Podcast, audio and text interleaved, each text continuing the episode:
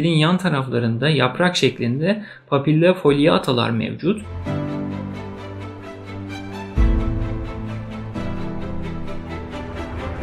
Kana karıştı. Farmako şu anda neredeyim? Kinetikteyim. ve transfüzyon. NG'yi taktın, kan gördün, endoskopik tedaviye geçiyorsun.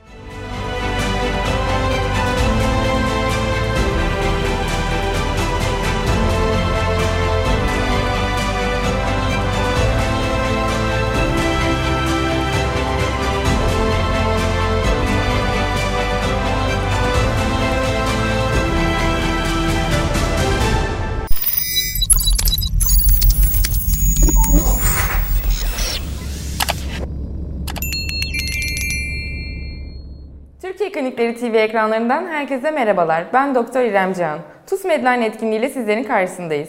Bugün hocam uzman doktor Cenk Yılmaz ile beraber hem TUS nasıl çalışılır hem de özel olarak farmakolojiyi nasıl çalışmalıyız konuları hakkında konuşacağız. Hocam hoş geldiniz. Hoş bulduk. Ee, bugünkü konumuz bayağı yoğun aslında. TUS'a nasıl çalışır? O bir zaten lebiderya. Farmakoloji de onun önemli parçası bence. Ee, ben kısaca kendimi tanıtayım. Ee, ben yaklaşık 15-16 yıldır TUS sektöründe de e, eserlerimle varım açıkçası. Kitaplarım var. Şu anda hali hazırda satılıyor. Konu, soru falan. Şu anda e, artık e, TUS Medline bünyesinde de yine e, farmakoloji videolarımda karşınızdayım geçen haftadan beri. Farmakoloji nasıl çalışılır? TUS nasıl çalışır? Genel konumuz bu. Aslında herhalde önce biraz TUS'tan başlamak lazım. Yani genel olarak bir TUS nasıl çalışılır? Herkesin stratejisi farklı tabii ki ama sizin deneyimlerinizle beraber meslektaşlarımıza önerebileceğiniz herhangi bir yöntem, sıralama, strateji varsa önce öyle başlayalım isterseniz. Daha sonra özel olarak Evet. farmakolojiden de konuşuruz uzun evet, uzun. mantıklı. Şöyle TUS e, zaten TUS çok zor bir sınav. Yani dünyanın ikinci zor sınavı diye bir ara konuşuluyor. Doğru mu bilmiyorum. Ben de kulaktan duyma olarak biliyorum. E, TUS'ta bence şunu yapmak lazım. TUS'ta önce hedef nedir? Yani hedefiniz 55'e kadar mı? 65'e kadar mı? 65 ve üstü mü? Önce bunu kategorize etmek lazım. Kategorize ettikten sonra 55'e kadarsa ne yapmam lazım? Nasıl çalışmam lazım? 65-75. Onlar 3 ayrı kategori bence. Bir de burada kişinin hani kendi altyapısını, işte mezun olduğu fakültenin altyapısını, ne kadar ne öğrendiğini, bunu da az çok bilerek bu işe başlarsa, hedeflerini de doğru koyarsa daha mantıklı yol alabilir. TUS e, uzun bir süreç aslında ama aslında bence şöyle, TUS'un hepsi toplamda 6 ay net çalışmaya bakan bir süreçtir. Temeli, koru. Belki bunun üzerine birkaç ay daha koyarak puanlarını arttırabilirsin ama e, temelde 6 ay ders çalışma, yoğun çalışma, 8 saatlik bir çalışma genelde kurtarır TUS'u diye düşünüyorum. Ama TUS çalışırken şöyle bir şey de var. Yani bir strateji yapmak lazım. iki Disiplinli olmak lazım. Üç Çalışma ortamında uygun olması lazım. Yani bu işi mesela internliğe bırakmamak lazım. Ya da siz aile hekim olarak çalışıyorsunuz, çok yoğun çalışıyorsunuz. E, orada tabii ki TUS'a çalışmak biraz daha zorlayıcı olabiliyor. E, açıkçası ilk başta bu stratejiyi geliştirmek lazım. Ben de kesinlikle katılıyorum. Önce insanın kafasını toplayıp hedefine yönelip bir de TUS'u kazanmak yani ben şöyle düşünüyorum açıkçası. 70 almak demek değildir. Kişi ne istediğini biliyorsa ona göre çalışıp Tabii daha ki. sonra hani birisi 55 puanla istediği yere girdiğinde kendisi açısından TUS'u kazanmıştır bence. Ya kişi açısından da böyle olmalı. Çünkü gözlemlediğim öğrenciler kendilerini çok fazla hırpalıyorlar bu süreçte. Yani herkes 70 almak zorunda değil sonuçta. Hedefi belirleyip ona göre uygun çalışmak, doğru çalışmak hem herkesin işini kolaylaştırır hem de öğrenciyi hedefine çok daha kolay Kesinlikle ulaştırır. katılıyorum. Yani kişilerin memnun olacağı dalları bir kere tespit edebilmesi lazım. Yani herkesin dermatoloji kazanması, herkesin plastik cerrahi kazanması herkesi mutlu etmeyecek. Bunu baştan ortaya koyalım. Yani etiket olarak çok iyi geliyor. E, plastik cerrahi çok güzel. Belki de sizin cerrahi yatkınlığınız hiç yok. Gireceksiniz ve mutsuz olacaksınız. Ben öyle çok insan gördüm. Son senesinde kardiyoloji bırakanları gördüm, plastik cerrahi bırakanları gördüm.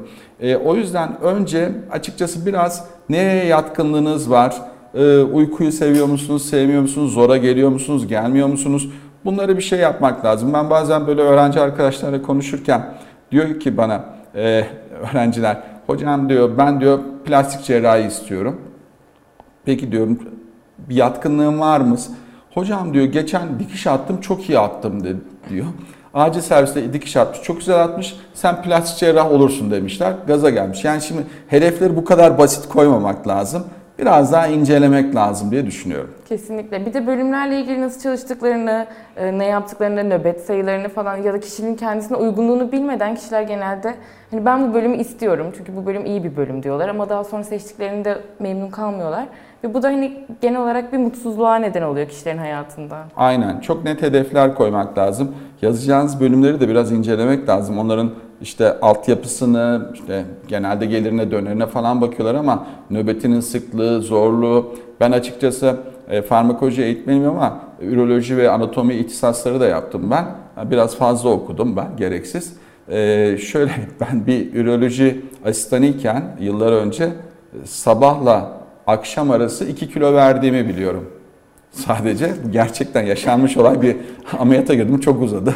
Yemeğe çıkamadım 2 kilo vermiştim. Yani bu nöbetler o kadar kolay değil. Ee, onu da tabii herkes biliyor ama gideceği yerlerde biraz göz önüne alırsa daha mantıklı olur.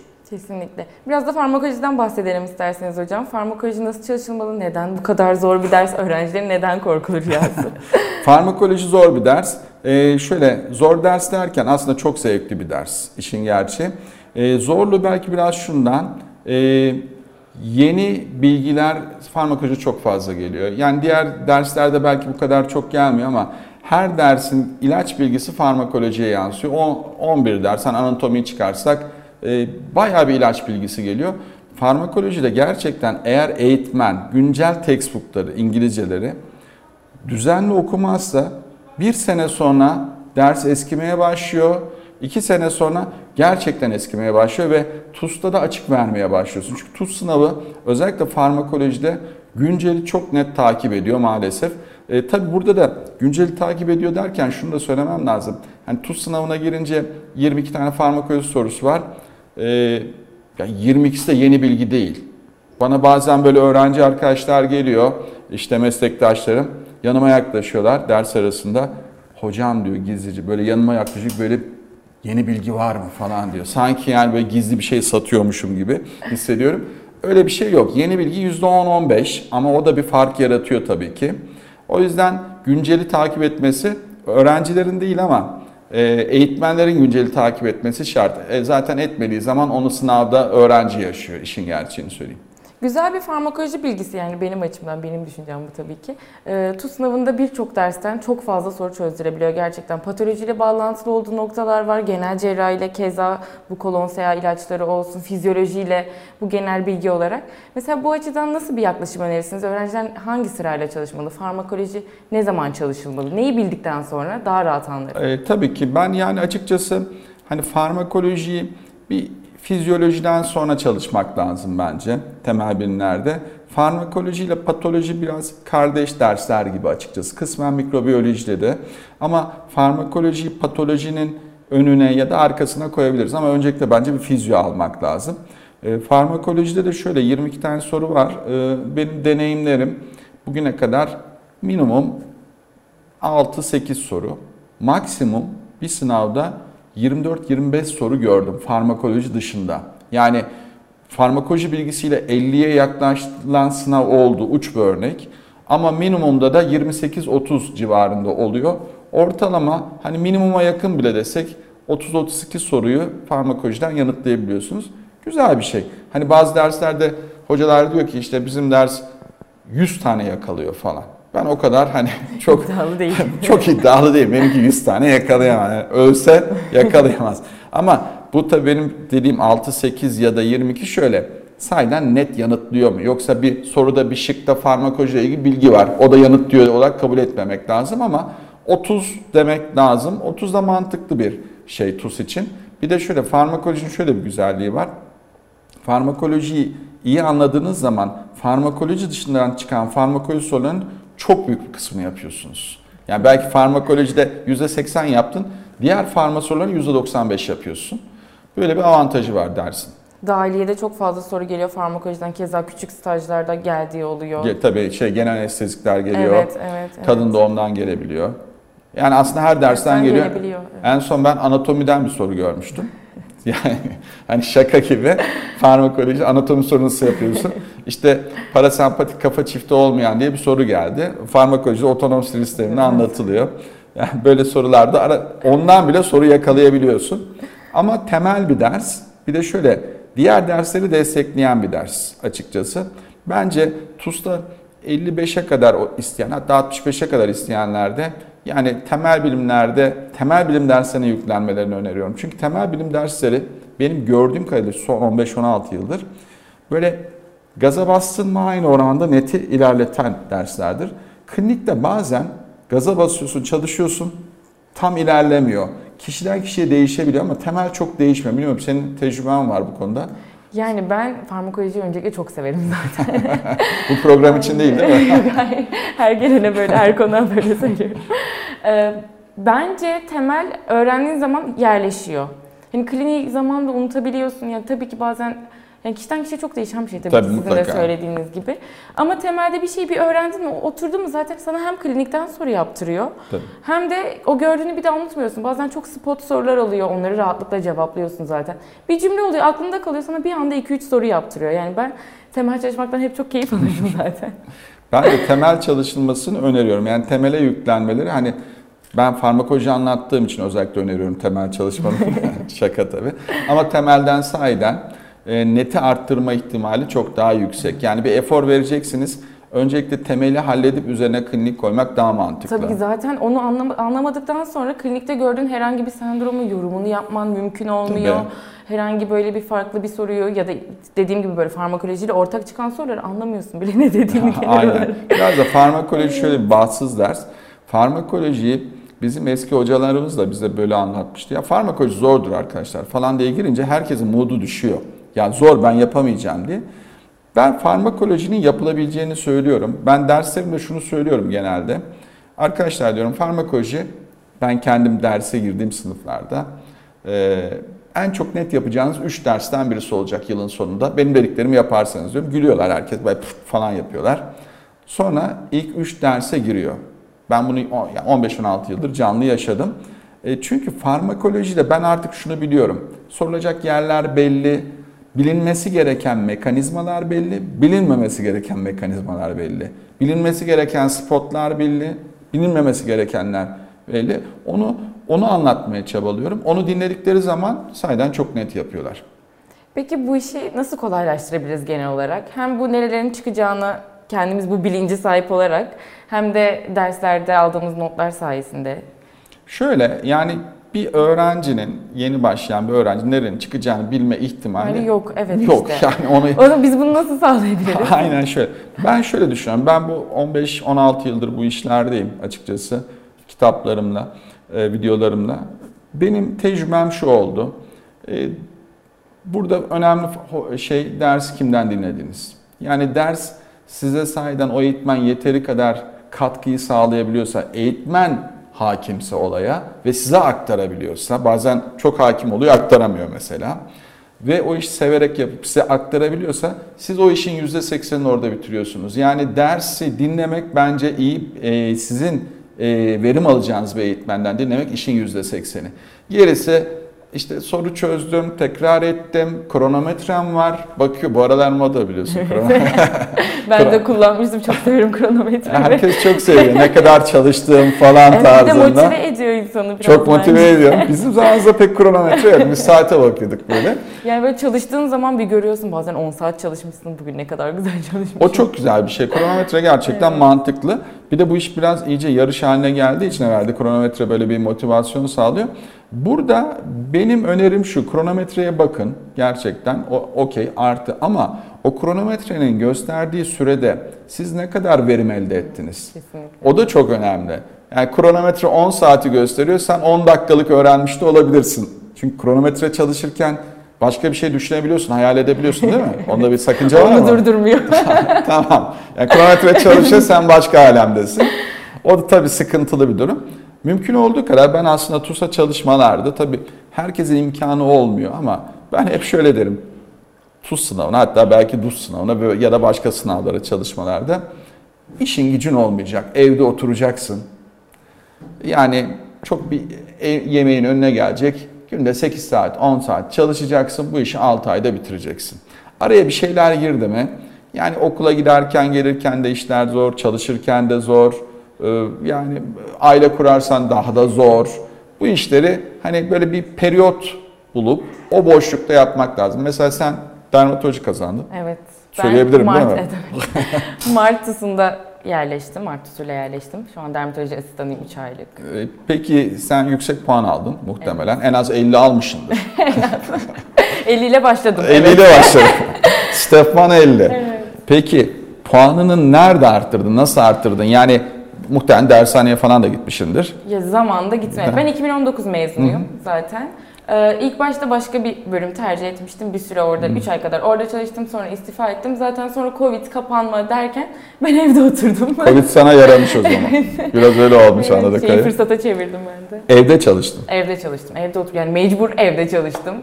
Ben kitaplarım yani hem birazcık depresif bir süreç ama kendini bulmak yani benim için en güzeli şuydu. Ben kendimi nasıl ders çalışması gerektiğini ve nasıl öğrendiğimi gördüm bu süreçte. Yani ben iki TUS çalıştım. Biraz uzun bir süreç yani bir yıllık bir süreçti benimki. Ben kendimin nasıl öğrendiğini keşfettikten sonra zaten e, herhangi bir dikkat dağıtıcı bir unsurum yoktu, bir işim yoktu, dışarı çıkamıyordum. İşte. Zaten oturup pür dikkat günde 8 saat 10 saat kronometrem ve ben ders çalışıp bu şekilde Sana çok denk gelmiş. Yani Evet. Covid kötü bir şey ama kapanma sana biraz Evet. faydası olmuş anladım ki. Yani sen 50'den 70'e çıktın o zaman. gibi evet. gibi değil mi? Yani ben de öyle düşünüyorum. Yani gerçekten e, bunu boş bir sürede eğer evde bulabilirsen 6 ay bence ideal bir süredir. Hatta ben şöyle söylüyorum yani tuz böyle 3 sene 5 sene de çalışılabilir ama aslında dens bir 6 ayda bu işi bitirebiliriz diye düşünüyorum bulunabilirse. Ama tabii insanların işi oluyor, öğrenciyken başlıyorlar. Bu iş biraz yayılıyor. Yine de yayılsa bile yani o yaz tatillerinde o boşlukları çok iyi değerlendirip böyle kendine boş 3 ay 4 ay yaratıp orada yüklenmek lazım. Kesinlikle katılıyorum. Ben burada istediğim gibi sorularımı size soruyorum hocam. Bizi izleyen meslektaşlarımız da bize Türkiye Klinikleri TV'den ve YouTube üzerinden de hocama sorularını iletebilirler. Ee, Tabii ki. Farmakoloji zor bir ders. Hep bundan bahsediyoruz zaten. Öğrencilerin hepsinin korkulu rüyası. Siz de kolaylaştırmak için birçok şeyden bahsettiniz zaten şu anda. Ee, peki hala soru çözmek ya da konu okumak, farmakolojide bu, bu açıdan özel bir strateji var mı mesela? Bu kadar soru çözülmeli, bu kadar konu okunmalı. Şimdi şöyle e, bu işlerde tabii ben e, hani nasıl ders çalışılmasını gerektiğini anlatan çok başarılı meslektaşlarımız var. Ben e, öğrenmeyle ilgili süreçleri nasıl hızlandırabiliriz? Ben o konuları bilmiyorum. Ben yani biraz daha ampirik anlatıyorum işleri. Yani diyorum ki ne yapacaksın? İşte dersi anlatacağım ben sana dinleyeceksin. Ufak notlar alacaksın. Notlara biraz bakacaksın. Biraz soru çözeceksin üzerine. Diyorlar ki hocam işte tuz sorularını çözelim, çalışma sorularını çözelim? Açıkçası ikisi de hani olabilir ama e, ben mesela kendi soru kitabımda şimdi yenisini çıkartıyorum. E, tuz sorularının cevaplarını vermiştim zaten. Oradan çalışma sorusu çözün, TUS'u aradan çıkartın sonra TUS'a bakın diyordum. Soruyla biraz desteklemek lazım ama benim dediğim hep şey şu. Eğitmenini iyi seçeceksin. Kimden dersi dinlediğin çok önemli. İşin %80'i bu. Sen bunu dersi hakkıyla dinlersen ve öğrenirsen zaten soruları bir şekilde çok rahat yapabiliyorsun. Mesela farmakoloji özelinde konuşayım. Farmakoloji zor ders değil mi? Öyle. Bence de zor ders. Ama farmakolojide genel farmakoloji ve otonom sistemi işin çekirdeği. Genel farmakoloji ve otonomda temel mekanizmalar var, temel reseptörler var. Onları dinlerken genelde öğrencilerde, meslektaşlarda bir beyinde yanma oluyor, nöronlarda ısınma oluyor. Acılı geçiyor dersin o kısmı. Ama diyorum ki biraz sabredin. Burası dersin kötü kısmı, ağır kısmı, acı kısmı ilacın. Ama orayı öğrendikten sonra kardiyovasküler sistem, santral sinir sistemi, kemoterapiler yokuş aşağı koşar şekilde gidiyorlar. Ve bir anda aynı bilgiyi 5 yerde kullanabiliyorlar. Genel farmakolojide bir işte ilaç etkileşimle ilgili bir bilgi alıyor. Kardiyovaskülerde kullanıyor, santral sisteminde kullanıyor. Onu bilmezse 5 ayrı yerde ezberleyecek bunu. Aslında tek bir bilgiyle 5 tane şeyi çözebiliyor. O yüzden bu işte bence belli yerlerde mekanizmaya ağırlık vermek lazım. Genel farmakoloji, otonom. Oralar biraz mekanizma ağırlıklı. Oraları iyi dinlemek, çalışmak lazım. Ondan sonrası çok kolay gider. Çok net söyleyeyim. Ezber kısmı bence en zor kısımlarından bir tanesi. İlaçların isimlerini ezberlemek. Bazı öğrenciler şifreleme metodunu kullanıyorlar mesela çalışırken. Bazıları görsel hafızasına güveniyor. Bazıları hiç ben şeyi bile çok duydum yani ben öğrenmeyeceğim farmakolojinin bu kısmını. Çıkarsa da yapmayacağım. Diyen Evet, arkadaşlarım Evet da en olmuştu kolay yol bu aslında. Yani ben burayı hiç okumayacağım, çıkarsa da yapmayacağım deyip farmayı kapatabilirsin. Yani çare değil aslında çok. Ee, ben der, e, şeylerimde yani kitaplarımda, videolarımda birkaç tane böyle kısaltma kullandım. Çok fazla da kullanmak istemiyorum açıkçası. Çünkü farmakoloji kısaltmaları biraz fazla abarttığın zaman o sınav sırasında o heyecanla o kısaltmanın hangi konunun kısaltması olduğunu bulman da zorlaşıyor. Bence birkaç tane kullanmak yeterli ama çok abartmamak lazım. Hatta ben yıllar önce bir kitap görmüştüm. Birisi kısaltma kitabı yazmış. Yani farmakoloji kısaltma kitabından oluşuyor. İşte kör kedi dama pisledi falan gibi bir şey. Bakıyorsun bundan ne çıkacak falan gibi kısaltmalar var. Yani farmakoloji böyle kısaltmayla işte ne bileyim ufak böyle tılsımlarla falan giden bir ders değil. Yani belli şeyleri bilip hazmetmek gerekiyor. Oraları dinledikten sonra halledebilirsin. Kısaltmayı çok abartmayalım bence. Ben de ben de kesinlikle katılıyorum. Çünkü kafa karıştırıcı olabiliyor. İlk harften herhangi bir ilacı ezberlemek aynı harfle başlayan başka ilaçlar var.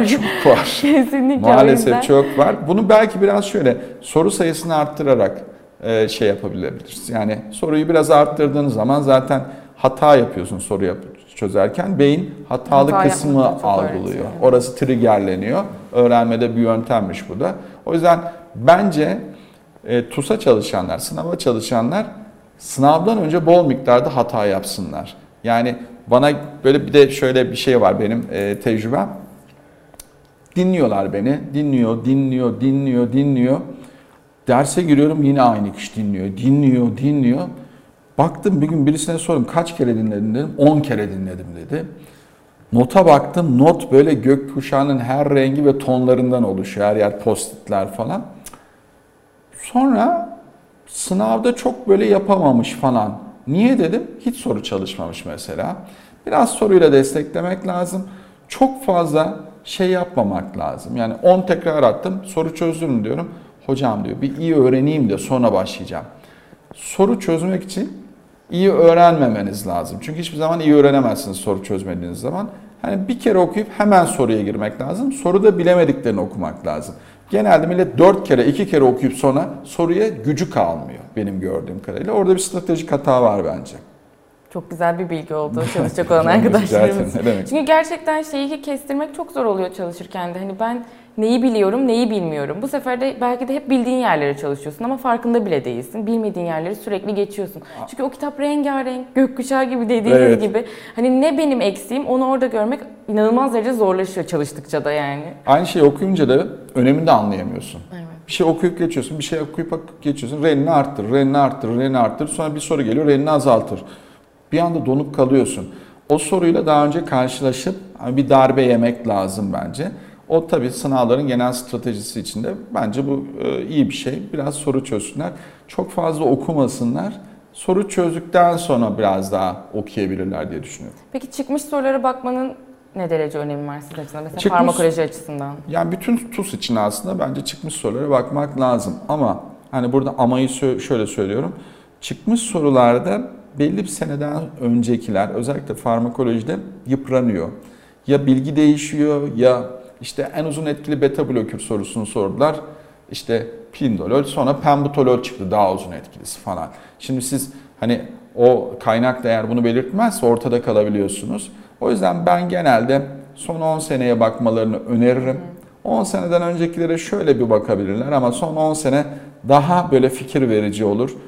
10 seneden önceki sorularda bir yanılgı ihtimali her zaman var açıkçası. Yanlış bir bilgi öğrenilebilir eski Aynen, bilgi. aynen. Yani onları modifiye edip düzeltmek de belli bir yerden sonra imkansız hale geliyor. Ya eski soruyu tamamen underestimate edip göz atacaksınız ya da son 10 sene daha mantıklı gibi geliyor bence. Bir de farmakoloji çalışırken şöyle bir yanılgı oluyor bence benim gö- gözlemlediğim. Monoklonal antikorlar konusu mesela. Oradaki bir sürü yeni ilaç. Onlar o kadar da sorusu çıkan konular değil ama öğrencilerin mesela çok fazla onları ezberlemeye çalıştığını görüyorum. Mesela genel farmakoloji bilmeyip, otonom sinir sistemi tam olarak bilmeyip. Sonra orada işte 100 bin tane monoklonal antikor ezberlemeye çalışan çok gördüm. Süper bir gözlem. Gerçekten tebrik ederim. Ee, böyle bu hani bana gelip yanıma yaklaşıyor yeni bilgi var mı falan hani böyle gibi sanki gizli bir şey satıyorum gibi böyle çok yaklaşımlar oluyor. Hatta böyle öyle sorular getiriyorlar ki bir de piyasada böyle çok referanslı olmayan sorular var. Hocam bu soru ne diyor? Bakıyorum hiç hayatımda görmemişim. Değişik bir soru. Yani işte bir monoklonal, anti, monoklonal antikorun proteinin ucundaki amino asitin amcasının oğlunu falan soran sorular var. Bunların çıkma ihtimali yok. Textbook'ta olmayan soruların referansı olmadığı için çıkma ihtimali yok. Yani Wikipedia bilgileriyle hani TUS'a çalışanlar var ya da Wikipedia'dan soru yapmışlar, piyasaya atmışlar. Hani bir deli taş atmış biz çıkarmaya çalışıyoruz hikayesi oluyor.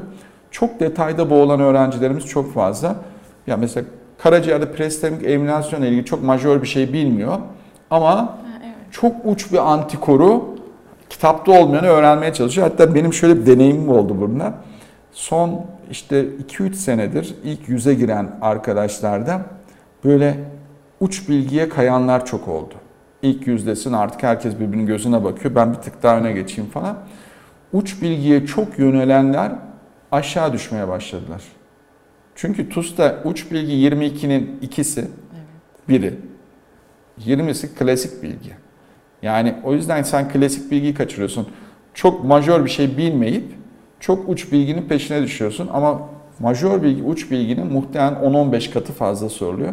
O yüzden bence klasikleri bir öğrenelim. Yenilerden de biraz öğrenebiliriz ama uç bilgilerde çok da böyle dağılmayalım. Uç bilgi bizim kara delik gibi enerjimizi emiyor aslında. Orada bir yanlış strateji var. Hani ben de bazen gaza gelip açıklıyorum yeni bilgiler falan diye ama sonra diyorum ki ya bu kadar ne niye verdim pişman oldum da oluyor ama ben referansı veriyorum kitaplardan. Çıkma ihtimali en yüksek olanları vermeye çalışıyorum. Çok da hani meslektaşlara yük de yapmak istemiyorum açıkçası.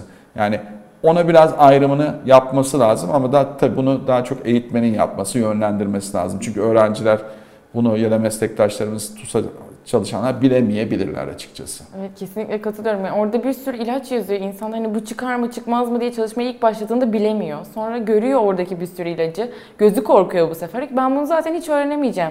Bu da hani hem umutsuzluğa neden oluyor hem depresif. Zaten tuz çalışmak genel olarak biraz depresif bir ortam olduğunu düşünüyorum Evet, ben. tuz biraz depresif bir de kilo aldıran bir süreç herhalde. Öyle bir şey var. Pandemiyle tuz kilo aldırıyor yan yana getirince.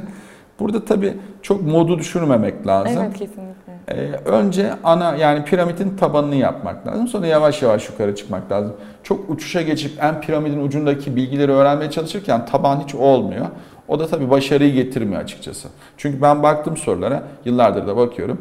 Yani her sene antimuskalinik sorusu, atropin, trisiklik antibiyotik benzer şeyler geliyor her sene. Yani bunu çok değiştiremiyorsun. Ama uç örnek soru yılda bir kere geliyor, belki gelmiyor. Kesinlikle katılıyorum. Sizler de hocamın sorularınız varsa eğer Türkiye Klinikleri TV'den ve YouTube'dan iletebilirsiniz. Burada cevaplıyor olacağız. Ee, genel olarak tuz çalışmaktan bahsettik. Anladığım kadarıyla sizin önerileriniz kişinin öncelikle hedefini belirleyip sonra güzelce temelini oturttuktan sonra detaylı bir şekilde çalışması. Evet, bir de şöyle bir şey var. Tabii şimdi e, TUS Medline'da biz yayınlarımıza başladık. Artık te- teknoloji de çok gel- e, gelişti. Yani 10 s- sene önce gibi değil. E, açıkçası e, konvansiyonel dershaneler her zaman iş yapacak. Oraya mutlaka gideceksin ama e, TUS bence evde çalışılır. Yani bilmiyorum sen de aynı fikirdesin. Ben şimdi mesela benim e, farmakoloji videolarım şu anda 33 küsür saat e, yayında. Bu 33 küsür saat yaklaşık yani 1800-1900 dakika. Bunu 50 dakikalık derslere koymaya, bölmeye kalksan 37-38 saat falan ediyor. Yanlış mı hesapladım yaklaşık? Evet, çok öyle. Ama bir hani dershane sürecini sen yaşadın, gittin geldin. Ee, sabah 7'de kalkıyorsun, Yola çıkıyoruz. yola çıkıyorsun. İşte ne bileyim 8.30-9'da derslerin başlıyor. Günde 9 saat dinliyorsun ama öğlen bir saatin var. Akşam yeniden yola çıkıyorsun, 7.30-8'de varıyorsun. Aslında şöyle, sen orada verimli ne kadar dinliyorsun? Yani her dersin ilk 20 dakikası falan oluyor. 20 dakikası. tamam ders 50 dakika ben 30-40 dakika diyeyim. iki katı olsun. Yani çünkü ders sırasında da kahve dökülüyor. Klimayı ayarlar mısın? Perdeyi açtın kapalı böyle şeyler var. Yani bir dersin 50 dakikalık dersin neti 35-40 mıdır? Maksimum. Maksimum değil mi? evet. Yani şunu demek istiyorum. e, verimli de çalışmak lazım. Yani sen iki gün derse gidiyorsun. Toplam aldığın e, yani şey verim 10-12 saatlik ders aslında. Burada yani bizim sistemimizde açıkçası evde oturuyorsun, tak açıyorsun, seyrediyorsun, kapatıyorsun, hızlandırıyorsun. Mesela benim 1.3'üm iyi. en güzel orada. Bizim bir e, eğitmenimiz var. Onu hiç hızlandıramıyoruz. Adını vermeyeyim. Çok hızlı konuşuyor. Bir de tuz çalışırken en önemli şeylerden biri hem zaman hem zaman yönetimi. Aynen öyle. Ne zaman uyudun, ne zaman yattın, ne zaman kalktın bu da çok önemli. Derste en verimli saatinde ne, ne kadar verimli bir şekilde dinleyebiliyorsun, ortamın nasıl? Çünkü kalabalık bir sınıfta hani dikkatini dağıtabilecek birçok unsur olabilir. Yandaki arkadaşın kalem ister, uç ister, silgi ister örnek veriyorum. Ama hani evde tek başına odaklandığın zaman ya bir saatlik dersten bir saatlik verim alabilmek o kadar kıymetli ki Çok gerçekten. kıymetli bence de. Yani şöyle o yolda ve öğle aralarında harcadığın, ders aralarında harcadığın saat yaklaşık 5 saat. İşin gerçeğini söyleyeyim. Yani cumartesi pazar aslında bir ders aldığın zaman bir gün alıyorsun aslında işin gerçeği. E burada şu var. Sen evde otur bunları seyret. Verimin iki kat artıyor. E TUS zaten bir verimlilik sınavı aslında. Şöyle bir şey. TUS'ta deseler ki size her derse 3 ay çalışacaksınız. Çalıştığınızı hiç unutmayacaksınız. Hani 33 ay sonra da sınava gireceksiniz. TUS birincisi olursun. Değil mi teorik olarak? Yani 3 ay bir dersi çalışsan %95 yaparsın. Unutmayacaksan TUS birincisi olursun. Ama öyle bir şey yok. Yok maalesef. Okuyorsun, unutuyorsun. Okuyorsun, unutuyorsun. Hani bu harcadığın zamanla elde edeceğin netin arasındaki bir ilişki. Burada benim benim şahsi görüşüm 15-16 yıldır canlı ders her zaman iyidir. Ama ne zaman iyidir?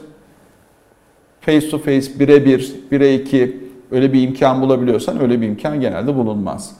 Yani ama onun dışında evde tek başına dinleyeceğin çok verimli bir ders. Ee, bence 100-200 kişiyle dinleyeceğin derslerden kat be kat verimlidir diye düşünüyorum.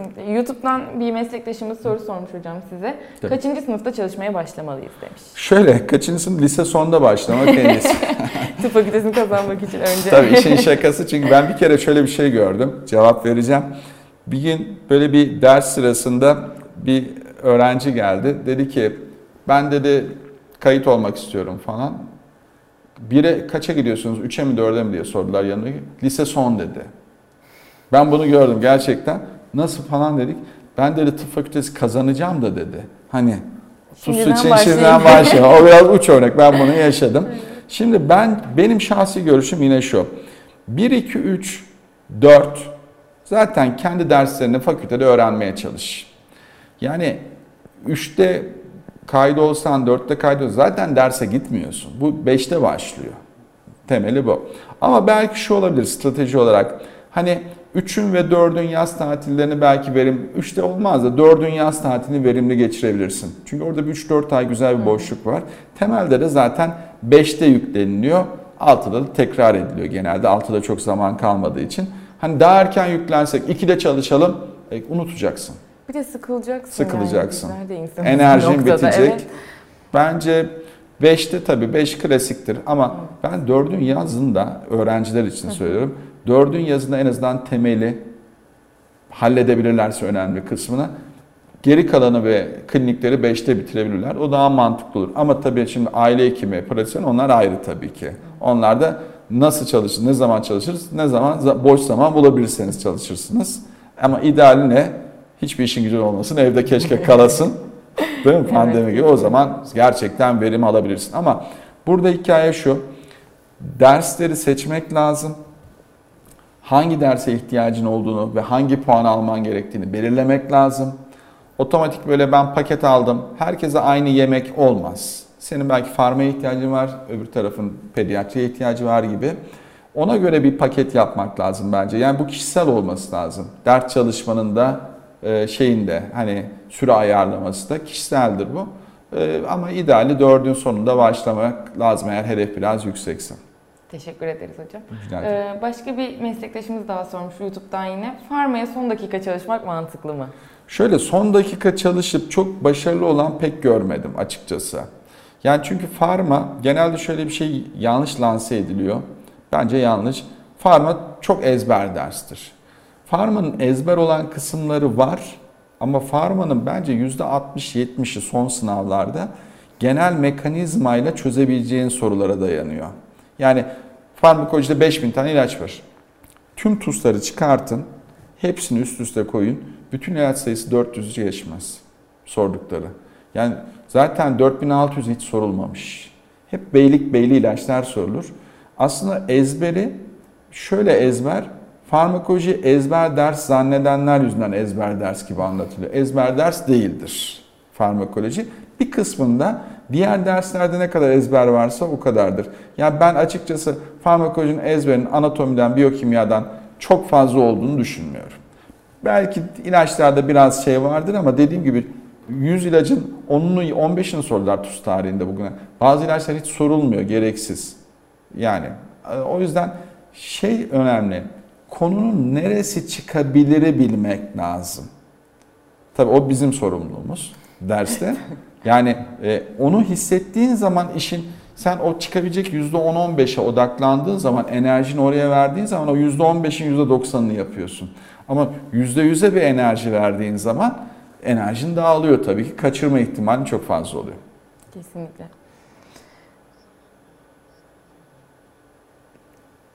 Çok güzel sorular aldık. Yine bizlere sorularınızı Türkiye Klinikleri TV'den ve YouTube'dan da sormaya devam edebilirsiniz arkadaşlar. Ee, hocam şimdi 22 soru var farmakolojide. Onun dışında dedik ki diğer derslerle beraber e, 30 soruya kadar Yani, ba- bazen evet. 40 soruya kadar Tabii, şey yapabiliyor. oluyor. Ama benim de gözlemlediğim sizin de dediğiniz gibi mesela genel farmakolojiden çıkıyor. Orada farmakodinamik, farmakokinetik bu konularla ilgili sorular çıkıyor. Mesela buralar ezber yerler değil aslında. Bakın. Değil. Bunlar hani tuz çalışan birisinin öğrenmesi gereken yerler. Yine otonom sinir sistemi keza. Yani bunlardan bir sürü soru çıkıyor zaten. O yüzden hani farmakoloji ezber bir ders. Ben bunu ezberlesem de unuturum. Mantalitesinin yanlış olduğunu düşünüyorsunuz anladığım kadarıyla siz. Kesinlikle yanlış olduğunu düşünüyorum. Yani ben bunu e, 15-16 yıllık tecrübeme dayanarak söylüyorum. E, Ben kendi öğrencilerime açıkçası gerektiği yerde mekanizmayı anlatıyorum. Gerektiği yerde bunu öğrenmeyin sadece şunları bilin geçin diyorum. E, Bugüne kadar da çok bir hani yanıl, yanılmadım bu konularda. E, Temel bilgileri iyi oturttuktan sonra bu iş otomatik olacaktır. Ama burada bence temel olay şu. Bir, ders kimden dinlediğin çok önemli. Çünkü yani ders var, ders var. Aynı dersi bile çok farklı anlatabilir insanlar. Orada o slaytı okumak değil. O slaytta bir dokunuş yapmak oraya. Hani bir nüans, burada inceliği göstermek. Ya da ders sırasındaki bir bilgiyi, mesela bir otonom sinir sistemi bilgisini kardiyovasküler sisteme ya da santral sinir sistemine 3 ilaca bağlayıp oraya bir köşeye kutu yapıp arkadaşlar bu 3 ilaçta işte muskanik blokaj yapar gibi.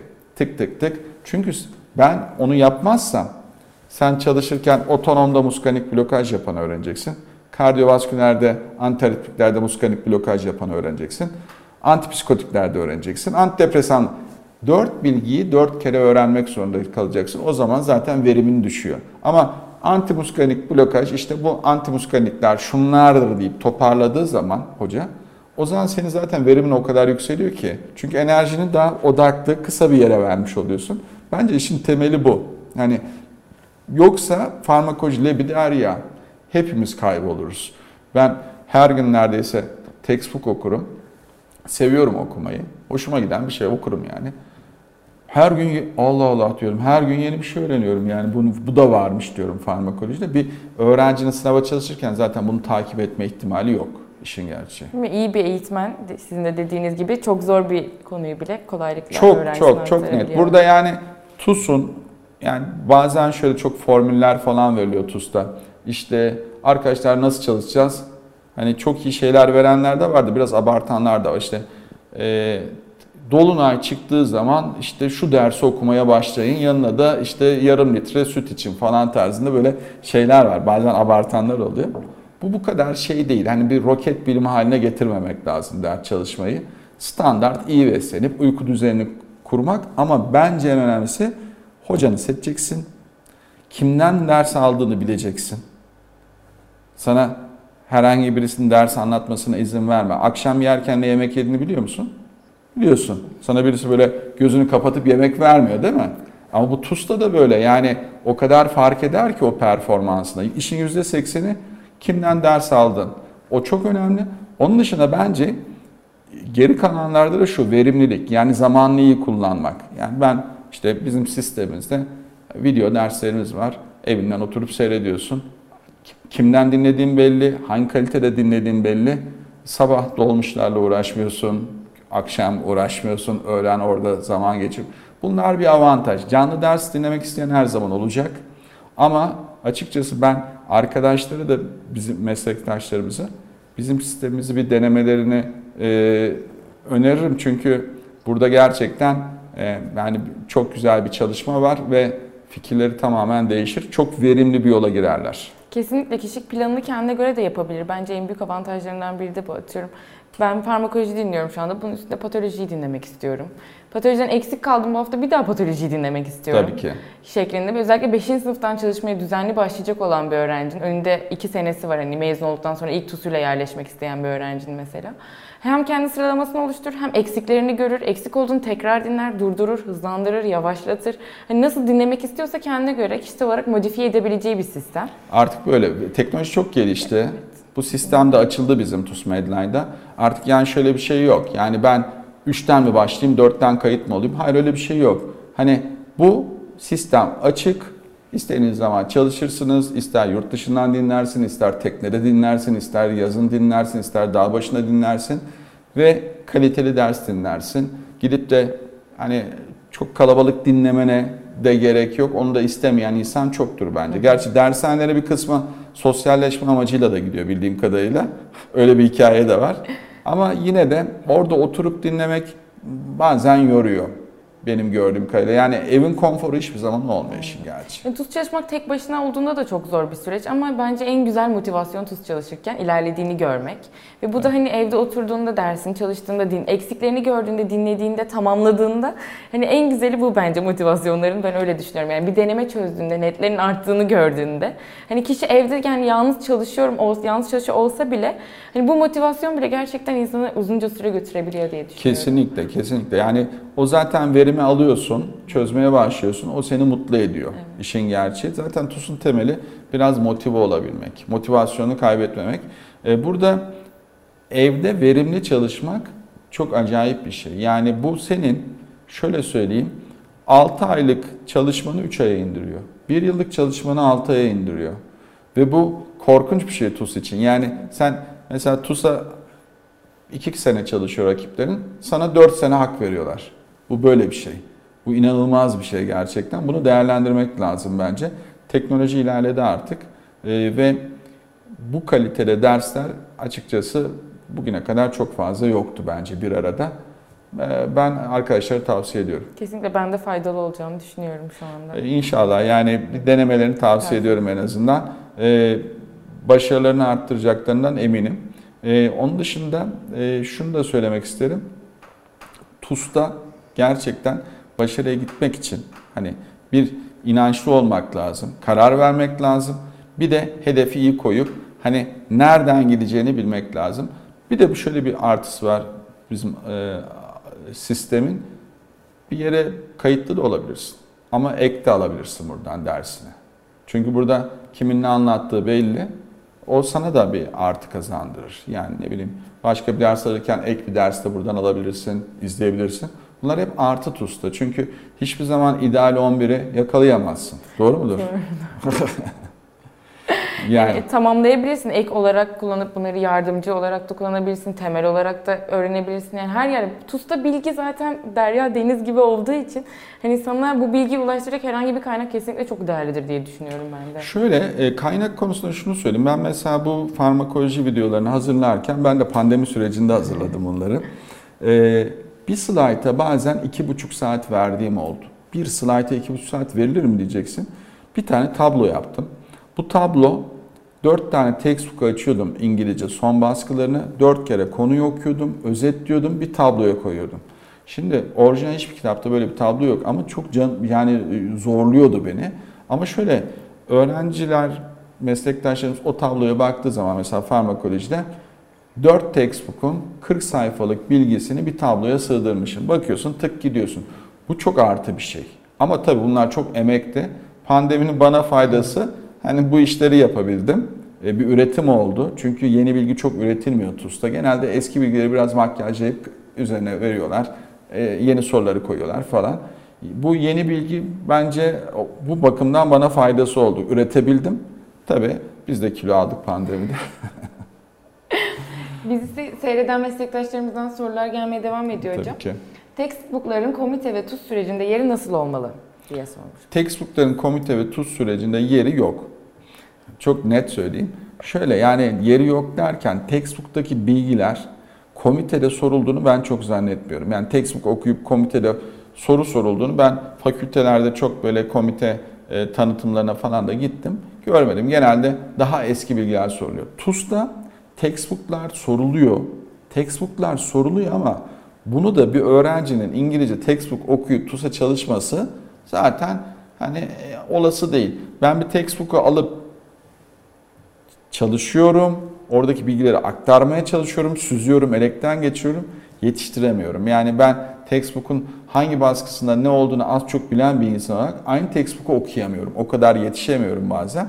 Ya o yüzden textbook bence öğrencinin işi değil. O eğitmenin sorumluluğu. Gerçekten onu eğitmen iyi okursa öğrenciye aktarıyor, soruyu yakalıyor. İyi okuyamazsa aktaramıyor. Yani satır satır okumak lazım. TUS'ta da farmakolojinin biraz bahtsızlığı bence o. Size çok güzel bir yorum gelmiş bizi izleyen bir meslektaşımızdan. Farmakoloji çok zor kesinlikle ama Cenk hocamızdan dinlediğinizde çok daha kolay ve diğer bölüm sorularını yapmaya da çok katkısı var. Farmadan 20 yapıyorsak en az 15 soru diğer branşlardan yaptırıyor demiş. Teşekkür ederim sağ olsun. Ee, hocam son bir dakikamız. Sizin son olarak söylemek istediğiniz, eklemek istediğiniz. E, Ben şöyle herkese başarılı diliyorum bu süreçte. Tabii zor bir sürece giriyoruz. E, TUS Medline'da beni videolarımda görebilirler. Diğer eğitmenlerimiz de görebilirler. Son derece kaliteli bir kadro var. Son derece verimli. Diğer şeylerin iki katı verimli. Bence bir e, incelesinler. E, verim alacaklarını düşünüyorum. Hatta yani ah keşke demesinler birkaç ay sonra. Buraya bir baksınlar. Önerim bu. Hayatlarını kolaylaştıracak bir şey bence bu. Çok teşekkür ederiz Ben hocam teşekkür size değerli ederim. bilgileriniz için. Bugünkü programımızın sonuna geldik. Ee, 4 Ekim Pazartesi günü biyokimyayı konuşuyor olacağız yine Türkiye Klinikleri TV ekranlarında. İyi günler.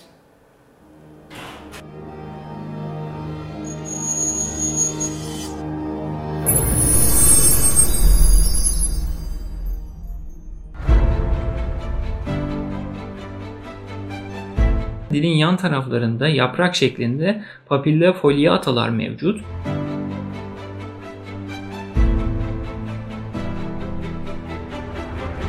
kana karıştı. Farmako şu anda neredeyim? Kinetikteyim. Ve transfüzyon. NG'yi taktın, kan gördün, endoskopik tedaviye geçiyorsun.